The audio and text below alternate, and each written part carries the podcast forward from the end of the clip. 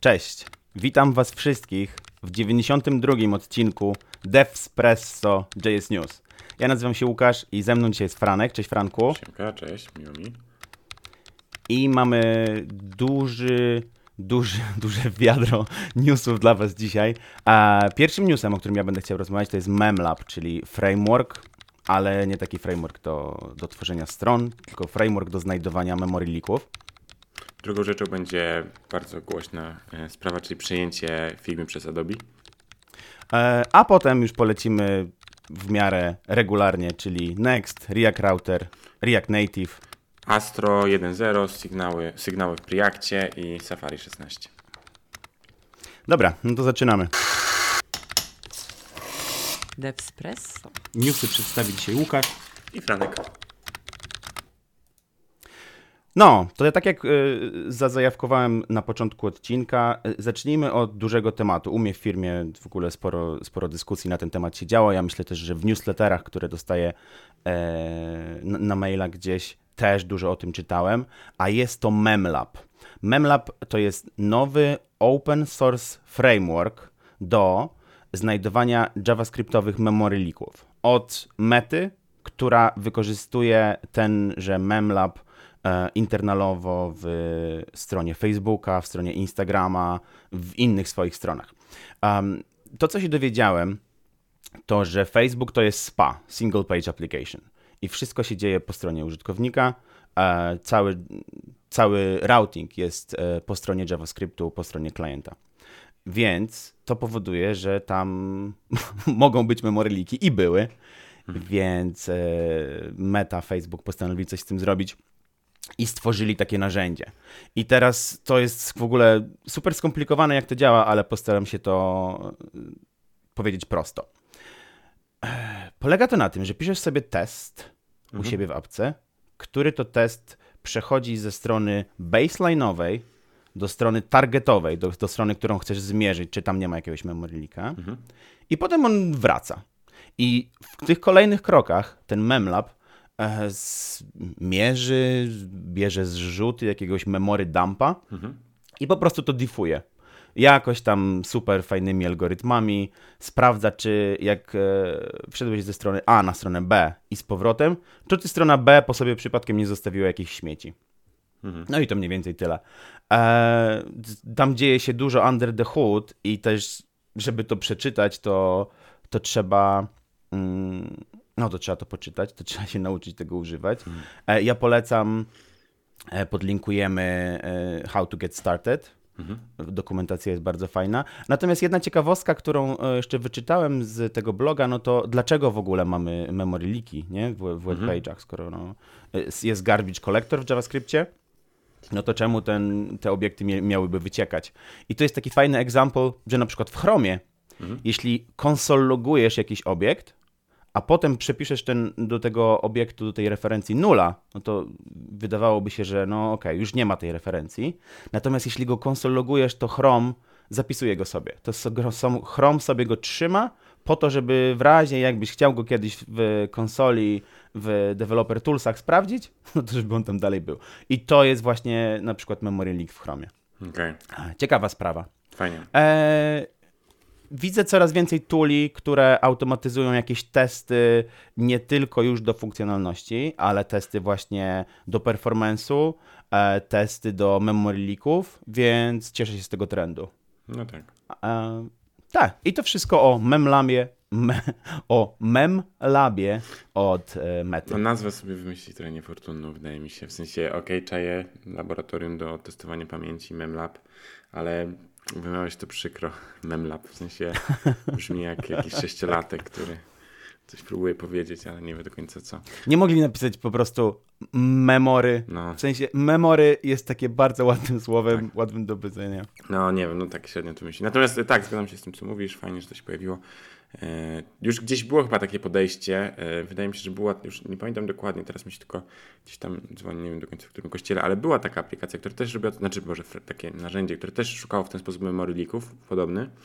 Natomiast e, no, ewidentnie widać, dlaczego tamto narzędzie nie, nie przebiło się tak wysoko, a tutaj oni są w stanie, bo to jest odpowiednie UI, tu jest odpowiednie wytłumaczenie na blogu, wszystko tu jest tip-top, jednak te zasoby Meta ma i fajnie, że w ten sposób je wykorzystuje. Plus robią to internalowo, lo- robią to od dwóch lat. No nie? właśnie. Aha, właśnie, chwalili się. Chwalili się na blogu, że oczywiście w Mhm. pierwszych pół roku e, takie OOM, out of memory Mhm. crashes spadły im o 50% w dół. Mm. Więc w pierwszej połowie 2021, jak zaczęli używać tego narzędzia. No to Więc spoko. wow, to są konkretne liczby. 50% spadek. Super. No to y, jakby zakładam, że większość z nas z tego narzędzia na razie nie będzie korzystać, bo my jesteśmy na etapie wszyscy tego, że nasze aplikacje ważne, żeby chociaż działały jakoś przyzwoicie, a szukanie memory leaków w działającej aplikacji i setupowanie narzędzia, żeby to robiło za nas, to już w ogóle jest nasz poziom, ale no jak już ktoś jest na tym etapie życia, że robi takie rzeczy, to gratulacje dla tej osoby i, i śmiało może korzystać. Y, No tak, no są w sensie e, jako konsultanci często dostajemy produkty, które No tak. trzeba naprawić, a nie zbudować dobrze od nowa. I te produkty, które trzeba naprawić, często mają właśnie memory leak. Tak, tu się No zgadzam. dobra, lećmy. Tu się zgadzam oczywiście, tak. Dobra, e, to z takich momentów życia, jak wspomniałem, że jak ktoś jest na takim etapie życia, no to na niezłym etapie życia jest teraz właściciel Figmy. I cały zarząd Figmy, który, który jakby od wielu miesięcy to postępowało, teraz stało się publiczny. Adobe wykupuje Figmę za 20 miliardów dolarów. Miliardów. czyli- 20 miliardów dolków. To jest bardzo dobry moment życia. Tak. Czekam na ten moment życia u mnie. Tak, no 20 miliardów to jest, to jest dużo. E, Ktoś jakby. To, co jest kluczowe, to z faktów, a przynajmniej faktów, jak twierdzi e, ten założyciel Figmy i obecny CEO w swoim liście do użytkowników, Figma pozostanie niezależną firmą, e, będzie dalej organizacją wewnątrz Adobe. E, To jest, tak jak mówiłem, coś, co ta, ta rozmowa między Adobe a Figmą odnośnie wykupienia już trwały od kilku miesięcy i teraz jakby udało się to upublicznić i domknąć. Natomiast firma będzie działać niezależnie i Adobe będzie, natomiast będzie korzystać z zasobów Adobe, czyli pod, w sensie ogólnie społeczeństwo, znaczy społeczeństwo, e, społeczność e, projektantów, designerów, nawet innych ludzi, wszystkich, którzy z firmy korzystają, no była załamana, bo jednak wszyscy wiemy, jak Adobe e, działa, jak wyglądają produkty Adobe, jak wyglądają subskrypcje Adobe, jakieś dark patterny przy kupowanie, e, kupowaniu rocznej subskrypcji, ogromne koszty anulacji, niemoż- niemożność już kupna normalnie. No, mnóstwo problemów Adobe ma, z wszystkimi, wszystkich jesteśmy świadomi, no i wreszcie są duże obawy związane z Figmą. Natomiast, tak jak mówi e, prezes, twierdzi, że będą niezależni i twierdzi, że będą tylko korzystać z zasobów Adobe, żeby poprawić produkt i jakby to, czego nie byli w stanie osiągnąć ze względu na rozmiar swojej firmy, teraz od takiego giganta, jakim jest Adobe, będą mogli korzystać i podciągnąć produkt w górę. Natomiast e, właśnie są te obawy. No, tutaj chciałem je tylko skontrować tym, że podobne obawy pojawiły się, kiedy Microsoft zakupił GitHuba, a jednak GitHub nie wydaje się, żeby e, jakby stracił na tym, na tym połączeniu z, z Microsoftem. Mhm. co, kurde, to chyba jest, chyba jest trochę inaczej. W sensie to jest y, inne, inne porównanie. Microsoft kupując GitHuba, on już wtedy nie był tym takim strasznym Microsoftem sprzed 15 lat. Y, Microsoft kupując GitHuba już był dużo zaangażowany w open source'owego Linuxa, już był dużo zaangażowany, już miał inne podejście. E, Ado- Adobe teraz jest naprawdę w swoim takim trochę apogeum korporacyjności i tak, ja też widziałem, e, ja też widziałem te wszystkie krzyki i, i obawy designerów. Tak. A, I dla mnie to trochę na wyrost, trochę, no ale to też ja nie używam tego narzędzia na co dzień, więc, y, więc nie wiem. Natomiast może pójść w dwóch różnych kierunkach. Mogą obiecać y, Figmie niezależność, a za dwa lata Tak. w, po prostu włączyć w swój cały pakiet. Tak. A może rzeczywiście Figma dostanie niezależność, dostanie tylko jakieś addony, żeby można było korzystać z, jakich z jakichś narzędzi Adobe. Natomiast wtedy również zauważ, że no, żeby korzystać w pełni wtedy z Figmy, już będziesz musiał mieć jakąś subskrypcję wykupioną u Corpo. Zgadzam się. Znaczy ja ogólnie mam tak, że z Figmy korzystam bardzo dużo. E, Ona jest wszechobecna w moich projektach, plus mamy jeszcze projekty, w których ja też pomagam trochę z projektowaniem i tam z tej Figmy korzystamy, więc na pewno jest tak, że Figma jest niezastąpiona. To znaczy jest jeszcze na rynku Sketch, który trochę podpadł, ale on ma problem z tym, że jest dostępny O, jeszcze jest. Znaczy, Tak? W sensie chodzi mi, że y, odpadł w tym sensie, że Figma go przegoniła. W związku z tym, że Figma jest dostępna na Windowsy, na Linuxy, no bo jest w przeglądarce, a, a Sketch jest dostępny tylko na Maki. I oczywiście ma swoją możliwość eksportu do innych systemów, to znaczy można podglądać projekty w przeglądarce. Natomiast no, nie jest to, nie możesz sobie wejść i edytować, jeżeli nie masz Maca. I to jest duże ograniczenie wbrew pozorom. E, najzwyczajniej w świecie niektórzy nie mają tego, tego systemu. W efekcie no, nie jest tak popularny.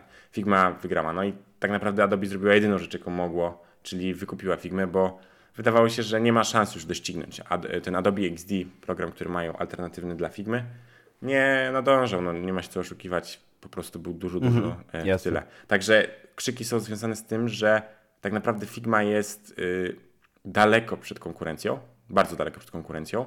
Jeżeli ona zniknie, to tak naprawdę projektanci wrócą do tego smutnego e, stanu, w którym byli zanim Figma się pojawiła, czyli używanie ilustratora skrzyżowanego z Photoshopem, e, łamane na jakieś Adobe XD właśnie, ale tutaj zawsze czegoś brakuje, plus brak odpowiedniej kolaboracji, no mnóstwo rzeczy, których Figma tak naprawdę wyprzedziła, zniknie. Stąd, stąd myślę ten E, krzyk. Chyba nie mogą sobie pozwolić na, na, na zniknięcie Figmy, to jest za dobry produkt i za fajny nie no. produkt, e, bo jeśli by, jeśli by zniknęli Figmę, no to przecież powstanie kolejny produkt i tyle. To- E, Ko, ko, kopia Figmy, tak? To dwie rzeczy odnośnie tego. Tak, oczywiście nie sądzę, że ona zniknie w ten sposób, że w sensie z dnia na dzień zrobił puf i Figmy nie będzie. Natomiast to, co myślę też właśnie tak jak wspomniałeś, dodatki Adobe, jakieś ich, e, oni mają całe mnóstwo rzeczy. Jakaś dziwny rodzaj subskrypcji, cokolwiek z tych rzeczy i naprawdę to będzie ciężka sytuacja, bo naprawdę Photoshop i Illustrator to nie są złe narzędzia. One mają wiele problemów, ale one nie wywodzą się z tego, że to są złe narzędzia, tylko z wszystkiego dookoła, wydaje mi się, dużo bardziej. Także tutaj bardziej się bawiają tego. A jeżeli chodzi o darmowe alternatywy, to w związku z tym, że właśnie mamy okazję, no to trzeba się zastanowić, gdzie ewentualnie uciec i my mieliśmy tę dyskusję e, wewnątrz e, firmy, czy ewakuować się, czy nie. I teraz oczywiście nie ma jeszcze sensu, natomiast jeżeli ta, ten najczarniejszy scenariusz zacznie się realizować, to jest właśnie jeszcze sketch, do którego można wrócić. Oni zrobili bardzo fajną rzecz, czyli na swojej stronie, gdzie porównywali się z Figmą, dorzucili, dorzucili informację, że sketch i był tabelka sketcha, tabelka Figmy i było, że Mhm. independent i sketch jest e, tick, a tam jest x. także, także tutaj są Albo wiersz owned by, by Adobe, no, yes. No, to, to, to chyba powinno przyjść za chwilę. Także tutaj ten sketch jest, ale też jest inne narzędzie, o którym wiem, że parę osób nie wie, a myślę, że można się zacząć nim interesować. Nazywa się PenPod, e, pisane jak długopis i doniczka. E, Mają stronkę penpod.app i to jest open source alternatywa dla Figmy, która powstała chyba rok temu, czy półtora roku temu, na jakimś hackatonie, gdzie właśnie e, mieli zadanie realizować O. zadanie. em, Tak, to zadanie, w sensie firma, która e, stworzyła tę tę aplikację, miała coś takiego, że mówiła, że tylko open source narzędzia na hackatonie wewnątrz firmy, który trwa tydzień. No ale designerzy powiedzieli, nie no, bez Figmy się nie da. W sensie to jest w ogóle, będziemy pracować 10 razy wolniej, to, to się mija z celem. I oni, hmm, to dziwne w sumie, że nie ma open source narzędzia, które zastępowałoby Figmy nawet w jakimś tam gorszym wydaniu. No i oni stwierdzili, dobra, to to zróbmy na hackatonie. Zrobili, ruszyli i aplikacja się powoli toczy. No ewidentnie, jak ktoś czytał Hacker News, to w momencie, kiedy ogłoszono że Figma została przejęta, to pierwszym, pierwsze miejsce na Hacker News było to, że Figma została kupiona, drugie miejsce była reklamówka właśnie tej aplikacji. E, Także e, Ale ona jest bardzo w ogóle podobna do Figmy. Bardzo podobna. z tego, Tak, co ja tak, widzę, patrzę tak. na stronkę. dokładnie tak. Wspiera duże rzeczy, które z Figmy jest. No nie ma się co oszukiwać, jest, jest tam e, jakby duża inspiracja. I też jest w przeglądarce, więc dostępna na wszystkie platformy. Myślę, że mogą zanotować wzrost e, użytkowników potężny e, w najbliższym czasie, Na pewno. jeżeli to się utrzyma. Na Znaczy, pewno. jeżeli ten cały scenariusz zacznie się realizować, to zdecydowanie. Dobra, a to już skończmy tą Figmę. Nie jest dobrze, Tak, tak, chciałem, nie jest chciałem dobrze. powiedzieć. Franek, wracajmy, wracajmy do Dokładnie. JS-a. A czy wiesz, czym jest... czy wiesz, co ma w nazwie JS? Next.js. A Next.js Wow. wydał nową wersję 12.3. E, niedługo będzie konfa Next.jsa, więc tutaj nie ma za bardzo jakichś większych rzeczy. Pewnie zachowują większe rzeczy na konfę. Oczywiście. Natomiast jest kilka fajnych, e, fajnych takich e, quality of life improvements, powiedzmy. Mhm. I pierwszym z nim jest taki, powiedzmy, no gimmick. E, TypeScript Auto Install. Polega to na tym, że jeżeli e, Next.js wykryje, że mam w sobie w swoim projekcie jakikolwiek plik z rozszerzeniem TS albo chyba TSX, Mhm. no to po prostu doda mi TypeScripta bezpośrednio do pakiet JSONa, em, Mhm. doda mi od razu TS configa i tak dalej. Okej, super. No to Dziwna rzecz, taka trochę... Nie, nie, nie dziwne, wcale nie. Gimmick? Dla mnie to jest, ja miałem Nie? milion razy coś takiego, że robiłem projekt w Nextie i potem miałem, Jezu, no zapomniałem ten, e, zapomniałem przestawić, żeby tam dołożyć flagę TypeScript do Create Next App.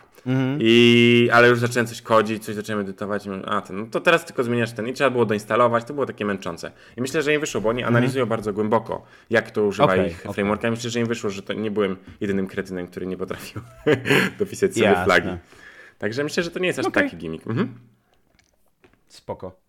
E, dobra, kolejna rzecz to jest Improved Fast Refresh i teraz, e, no tak, jak zmieniasz coś w kodzie, no to się od razu pojawia e, zmiana na stronce, to wszystko jest dla nas jasne. Natomiast, jeśli coś zmieniasz w N-filach, no to już nie tak jasne, bo trzeba zrestartować serwer, nie? Żeby podchwyciły nowe zmienne środowiskowe.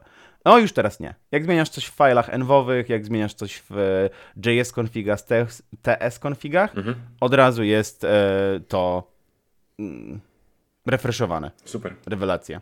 Tak, tak. To... E, kolejna rzecz. Image component. Tak jak wiemy, jest jakiś image component w Next.jsie, który daje ci jakiś boost performanceowy i okazuje się, że on nie był stabilny. Wcześniej on był jakiś experimental, teraz jest już stabilny Tak, tak. i już nie trzeba eksperymentala. Eee, I co tu jeszcze? Jakieś, dużo, jakieś mniejsze rzeczy e, i jakieś poprawki do e, routera i do layoutów. Co jest związane, ten router i layouty, to te layouty, tak jak pamiętasz, oni chyba troszkę ściągnęli z Remixa. Jak Remix e, się zopen source'ował, to Next.js em, dodał coś podobnego do... No RFC zrobił, tak. To RFC chyba dalej trwa. Tak mi się wydaje, czy jeszcze? Tak. No właśnie. E, tak, tak. No więc teraz są jakieś update'y do tego. Kurde, nie będę o tym mówił, co w tym jest. Nie ma sensu, bo to będzie wszystko na konferencji, e, bo tak naprawdę O, oni czekają z o, tym. o. Zakładam, że layouty, serwer components i e, streamowanie w dwie strony, to jest związane z Reactem 18, to wszystko się pojawi na konferencji, potrzebuje jednak trochę mięsa na tę konferencję, prawda? Więc, więc nie ma co e, się teraz zagłębiać. Tak jak mówisz, aktualizacja głównie dotyczyła takich usprawnień bardzo prostych i tego image'a. To akurat też ja miałem w CI. Pamiętam, że nam, e, my aktualizowaliśmy Next w aplikacji i zmieniło się trochę e, jakby kluczy konfiguracyjnych odnośnie image'a, więc e, te, też to można na to zwrócić uwagę. Natomiast tu nie będzie większych aktualizacji, dopóki konferencja nie będzie online. No dobra. A skoro mowa o remiksie, o Next.jsie i remiksie, to przejdźmy do, do remixa, czyli tak naprawdę, tak naprawdę do React Routera. React Router był pierwszy i ludzie, którzy stworzyli React Routera, potem stworzyli remixa. I teraz wyobraź sobie, że newsy React Routerowe są na stronie remixa, remix.run, więc dziwna sprawa, nie spodziewałem się. No ale okej, E, wyszedł React Router 6.4 i tam nowością jest to, że właśnie zaciągnęli od y, remixa mm, taki pattern e, loaderów przy rootowaniu. Loaderów.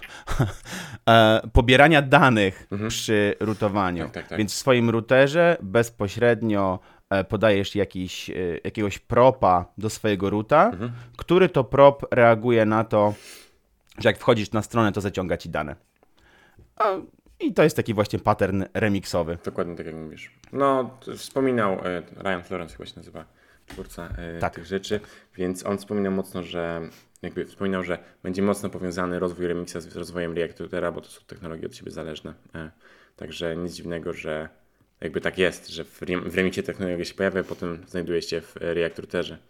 To niewiele ich kosztuje. Jeżeli się nie mylę, oni w ogóle połączyli repozytoria, po prostu w związku- z tym, że po pierwsze jest monorepo, a po drugie e, jest łatwiej, jeżeli tam wszystko jest powiązane tak naprawdę, to myślę, że jest im łatwiej pracować i z tego to wynika. Także, no właśnie, tak jak mówisz, React Router, rozwój React Routera jest w, e, w gestii e, Remixa, tak samo rozwój Remixa jest w gestii React Routera, to wszystko jest jedna wielka, radosna rodzina. Okej, okej, no to fajnie. E, ja więcej nie mam do powiedzenia o React Routerze. To była ta zmiana, którą oni tutaj wprowadzili. Tak, no to jest pewnie niedestrukcyjna zmiana, także jeżeli ktoś. Na- znaczy, to co mówił też Ryan Florence, to że jeżeli używamy Remixa, jeżeli używamy tego nowego React Routera, to możemy porzucić prawdopodobnie React Query. Także e, zastępuje nam e, ten stack routerowy e, wszystko, co pod, w sensie związane z, z React Query.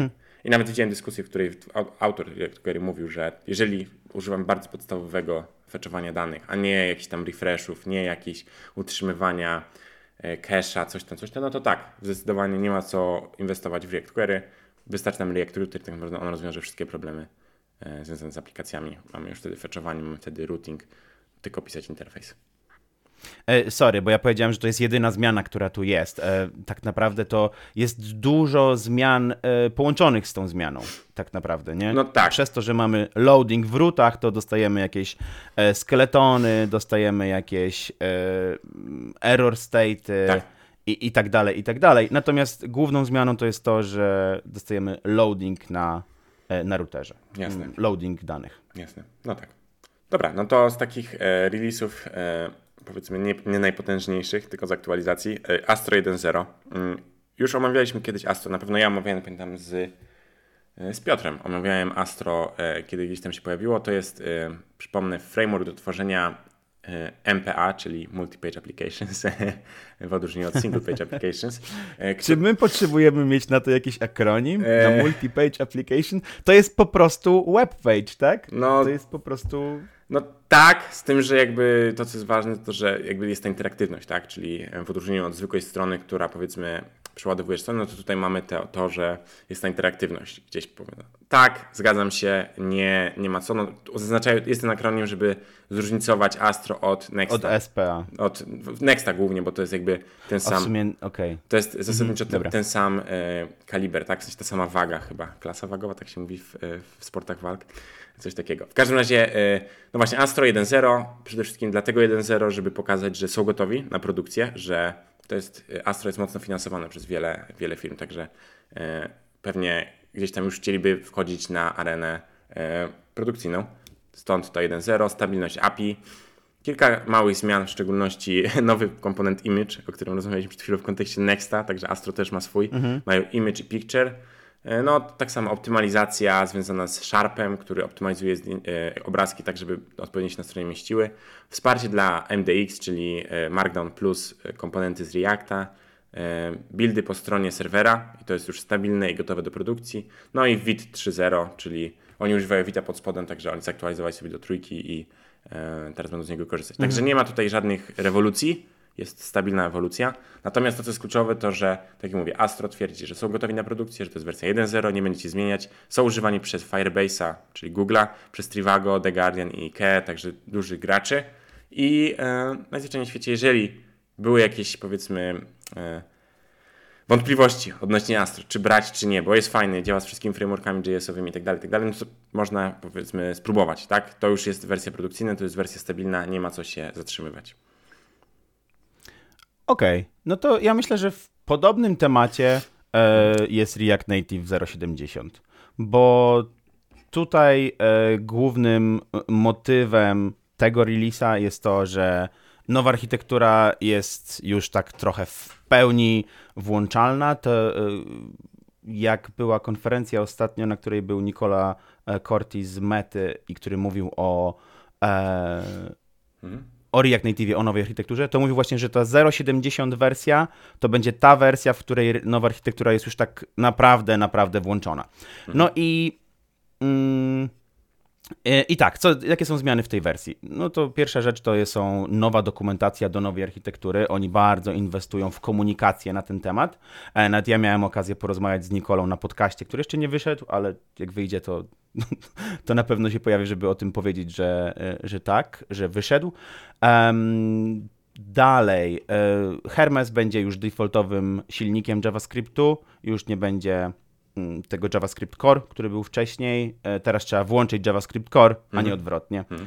E, Potem, co jeszcze jest? E, Autolinking dla nowej architektury dla Androida. Kiedyś tego nie było, teraz w nowym CLI-u już to jest. Mhm.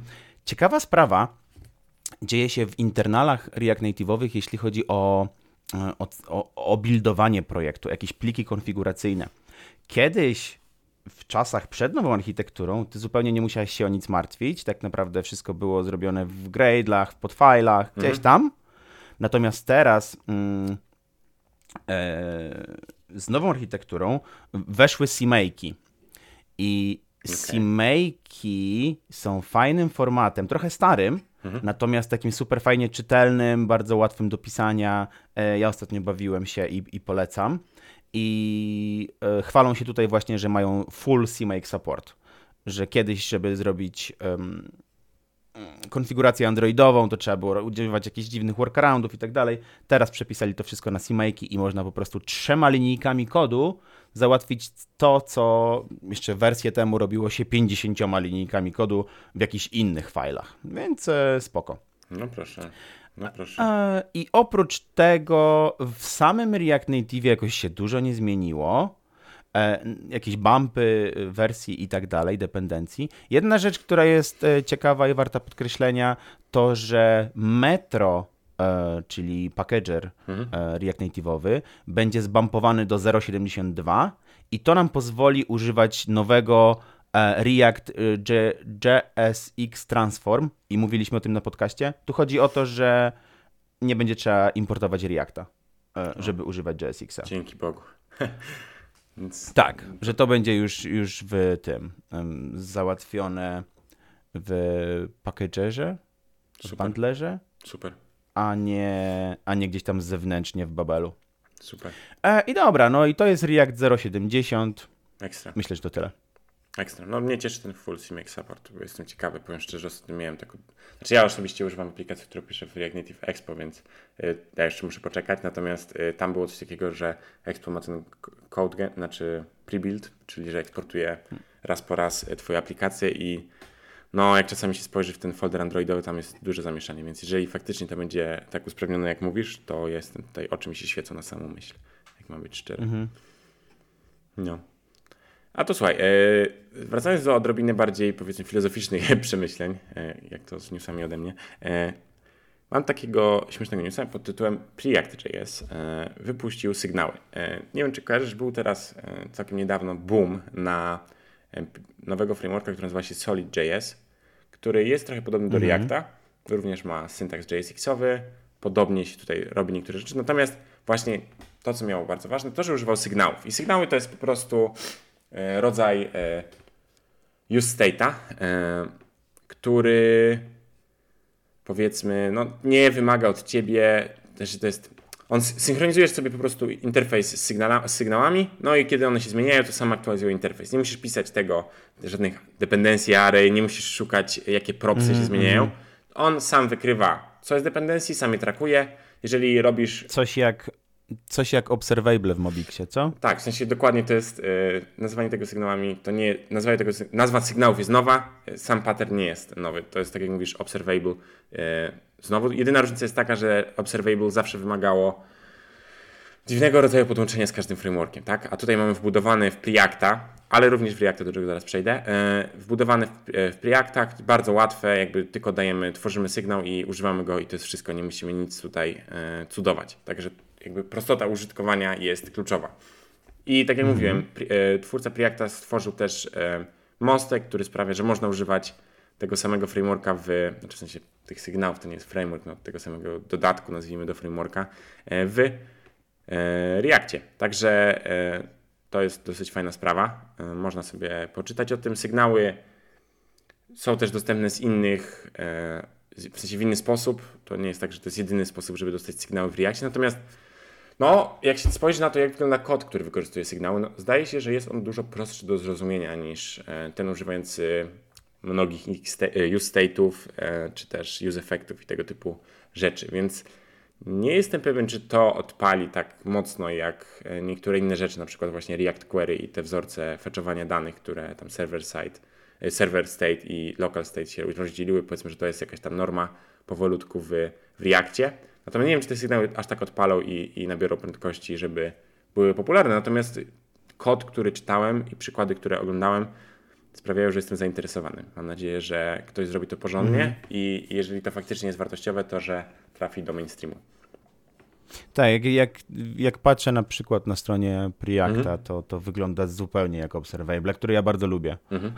No ja, ja też które... byłem usatysfakcjonowany obserwablami, observablami, tak się to mówi. Natomiast ich problem był mhm. taki, że po prostu podpięcie ich czasami z, z Reactem czy z czymś wymagało jakby tego takiego trochę powiedzmy takie niewygodnego wrapowania czasami, no, różnych rzeczy, które, mm, mm, które były powiedzmy mało przyjemne. I to był ten największy problem, że potem gdzieś tam dużo boilerplate'u się pojawiało, tak, że twoja aplikacja się trochę rozrastała za szybko, w związku z tym, że musisz to dokładać. Tutaj jest to usprawnienie, że nie musisz robić prawie nic. Importujesz i używasz. Cześć. No, właśnie widzę.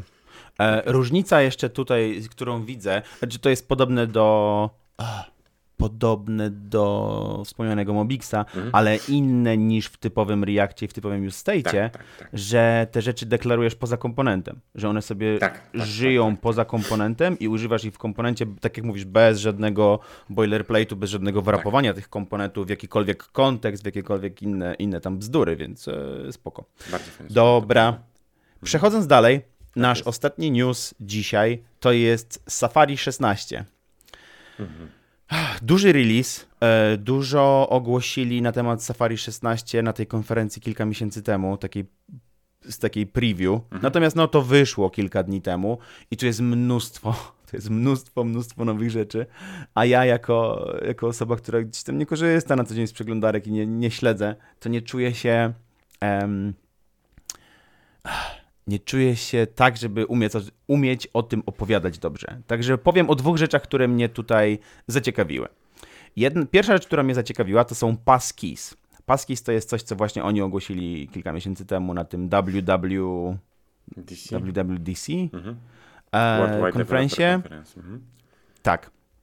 E, I tu polega na tym, że na stronach internetowych nie będziesz musiał się już logować loginem i hasłem, będzie można logować się jakąś biometryką iPhone'ową, Macową, iPadową i tak Mhm. dalej. E, mało tego, będziesz mógł się logować nawet na urządzeniach nie iPhone'owych. Tak. Jak masz iPhone'a, to, to dalej będziesz mógł tego użyć. Tak jest. A, więc to miło. Tak, bo to Fajnie by było zagłębić to trochę bardziej, jak to będzie działać. jest oparty na standardzie WebAuthn. To, to jest jakby standard stworzony przez to konsorcjum opracowujące e, sieć, w sensie e, W3C, tak to się nazywa. E, Mhm. Więc to nie jest jakby. To działa super w Apple'u, bo wiadomo, że Apple ma akurat te części interfejsu i całego doświadczenia super opanowane. Natomiast to jest coś, co będzie, myślę, dostępne wszędzie. Powolutku gdzieś tam pewnie Androidy też nadgonią e, i wszyscy będziemy mieć jakby to na wszystkich systemach. Tak jak mówisz, będzie można używać innego urządzenia, żeby autentykować się gdzie indziej. Myślę, że to jest, no to jest swego rodzaju, no nie wiem czy rewolucja, czy ewolucja, to zawsze jest e, dobre pytanie, natomiast jedna z kluczowych rzeczy w tym, powiedzmy, jeżeli chodzi o wygodę użytkowania aplikacji w najbliższym czasie, jeżeli chodzi o e, przeglądarki. Ja myślę, że ja myślę, że raczej rewolucja, bo mam tak dość wpisywania haseł. Znaczy tak naprawdę no to wpisuje za mnie jakiś password manager, To prawda. ale jak ostatnio odwiedziłem Chroma, no, ch- chyba nie powinien się przyznawać, ale jak ostatnio odwiedziłem chromowy menadżer haseł, to zobaczyłem tam tyle wykrzykników, że wiesz, twoje hasło gdzieś wyciekło, gdzieś wyciekło, gdzieś wyciekło. Na jakichś takich serwisach, wiesz, na których się logowałem raz w życiu tym samym hasłem, co wszędzie. Mhm. Natomiast no, to trochę straszne i teraz co, będę siedział i zmieniał te wszystkie hasła? No nie, nie. Pewnie nie. Bez żartu. E, więc e, powinienem A. Założyć sobie lepszy menadżer haseł niż Chrome. A. B. Jak będę mógł się logować, to jest takie łatwe i przyjemne logowanie się twarzą albo logowanie się odciskiem Tak. palca na Macu, że naprawdę chciałbym zobaczyć to w wię- większej ilości em, stron internetowych i aplikacji. Tak, to jest super. Sensie mam coś takiego, że akurat e, nasz. e, mamy komputer, na którym buildujemy iOS-a e, i to jest Mac Mini. I mam czasami tak, że się do niego wchodzę i chodzi o to, że w porównaniu do mojego Maca, w którym mam właśnie Touch ID i większość e, operacji, na przykład jak chcesz wpisać hasło na administratora czy coś, wystarczy kliknąć palcem, a tam muszę wpisywać całe hasło, to powiem szczerze, to jest niesamowite usprawnienie i takie męczące to jest. Jednak człowiek do, do komfortu się szybko przyzwyczaja. Tak, tak. To jest jeszcze taka anegdotka. Jak ja robię apki mobilne i robię je na Androidzie versus iOSie, React Native'em oczywiście. No i jak trzeba się zalogować do tych apek, no to Android daje mi e, Android Debug Bridge, czyli e, kons konsolowy, konsolowe narzędzie, którym mogę wypełniać te hasła, więc sobie napisałem skrypcik jakiś baszowy, który za mnie loguje się do tych aplikacji, których często się loguje na tych wszystkich symulatorach. No a na Apple'u tego nie ma, no i co, muszę tam wyklikiwać. No tak. Ale dobra, Nie no, koniec dygresji. Wracając do Safari, e, to ja tylko Tak. dodam od siebie jako osoba, która gdzieś tam więcej chyba w webie od ciebie robi chwilowo, że e, z tego co ja patrzyłem, dużo rzeczy to jest po prostu trochę nadganianie po prostu, E, tak to muszę powiedzieć. E, Safari zawsze jest odrobinę w plecy z mm, większością standardów, które są już w Firefoxie zaimplementowane, czy w, w Chromie, w Chromie, wszystkich tych przeglądarkach na nim bazujących, e, czy- czyli tam Brave, Opera, czy inne. Także e, powiedziałbym, że Każdy update Safari będzie dla nas ważny, bo to jest jednak przeglądarka, którą trzeba wspierać, jest bardzo popularna, relatywnie do oczywiście e, rzeczy w stylu Internet Explorer, który padł, tak? ale dalej jest to jedna z tej powiedzmy z większych, no, ludzie z Macami będą jej używać, także trzeba je wspierać, a, e, a nie nadgania, tak? W sensie nie, często jest w plecy, także ważne jest, żeby była czysto update'owana, żeby nam ułatwić życie i żeby było mniej e, testowania dziwnych rzeczy, sprawdzania na Keneus, czy coś jest już w Safari, czy nie ma w Safari, i tak dalej, i tak dalej, i tak dalej. Dobra, a y, mówisz nad, nadganianie, nadganianie. Ta ostatnia rzecz, którą ja tam zwróciłem uwagę, no to No. to jest Web Inspector. I to jest Web Inspector, który pozwala ci e, zwizualizować, dodaje jakieś boundariesy, jakieś e, granice do, do twoich flexboxów. Tak. I No, to już jest, to jest, jest w innych przeglądarkach? Jest no, to w na jest około 4 lat chyba, więc e, A, okej, dobra. no, Spoko. e, tak. A natomiast e, w sensie akurat to mnie nie grzeje, powiedzmy, bo i tak zazwyczaj jak dewelopujesz to e, powiedzmy, dewelopujesz na jednej przeglądarce, no nie, a testujesz potem na innych i tam te narzędzia nie muszą być tak, aż tak wypasione, bo i Właśnie, wiesz co? A No. to nie jest tak, że ja miałem zawsze, jak dewelopowałem strony Mhm. internetowe, no to Safari zwykle źle mi traktowało obrazki, że inne strony internetowe jakieś te obrazki Mhm. mi wyświetlały miło, a na Safari na przykład się rozciągną do samego dołu. Aha. I czemu? A, bo nie wstawiłeś jakiegoś parametru do flexa albo do Okej. wysokości, szerokości czy coś tam. Okej. I Chrome, Firefox sobie poradzili, e, natomiast Safari nie, więc dobrze by było tym web inspektorem Znaczy, jakby nie neguję tego, co mówisz w żadnym razie, tylko mam na myśli, że jeżeli na przykład miałbym wybierać, że pojawi się wsparcie dla e, odpowiednich powiadomień w, e, webowych, no nie? A czy będę mieć Flexbox Mhm. Inspektora, to jednak jakby wolałbym, żeby były powiadomienia, Jasne. niż żeby Jasne. ten, to w ten sposób. Ale tak, faktycznie to się mega przydaje i ten Flexbox, ja go używam w e, Firefoxie bardzo regularnie i jest no, fantastyczną jakby produktywność skacze w górę. Także e, no nie, to jest bardzo przydatne. Tutaj nie, nie będę tego oczywiście negował. No to dobra. Coś jeszcze jest, co chciałbyś powiedzieć o tym Safari 16? Nic takiego szczególnego.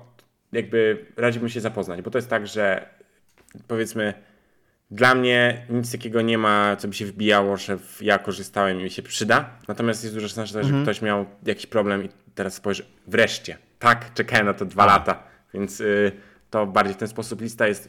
Ten blog, który podlinkujemy, mi się bardzo podobał. Tam jest naprawdę to wszystko bardzo sensownie opisane, także zapraszam do po prostu swobodnej lektury. Lazy Loading Image'ów to może jest taka rzecz, która jest ten, powiedzmy, interesująca, że to już się pojawiło w innych przeglądarkach, a jest ten znaczący wzrost performance'a, jeżeli odłożymy ładowanie obrazków. No to to jest taka rzecz, że mogę powiedzieć, że fajnie, że jest w Safari wreszcie. Jasne. No. E, jedna rzecz, którą ja zobaczyłem, jak szukałem trochę newsów na ten temat, no to zobaczyłem, że o, fajnie wyszło 16.0 e, Safari, no i 16.1 jako beta. Więc e, jest od razu już beta. Szybko. Dobra, e, Franku, chciałem Tobie bardzo podziękować za dołączenie do mnie do tego odcinka i wytłumaczenie mi, czemu Safari dalej się, ale już trochę mniej. Nie no, E, ja byłem Łukasz, ze mną był Franek, a to Dzięki. było Devspresso JS News. E, dziękujemy Wam wszystkim za słuchanie i do usłyszenia w przyszłym tygodniu. dzięki, dzięki, cześć. Devspresso.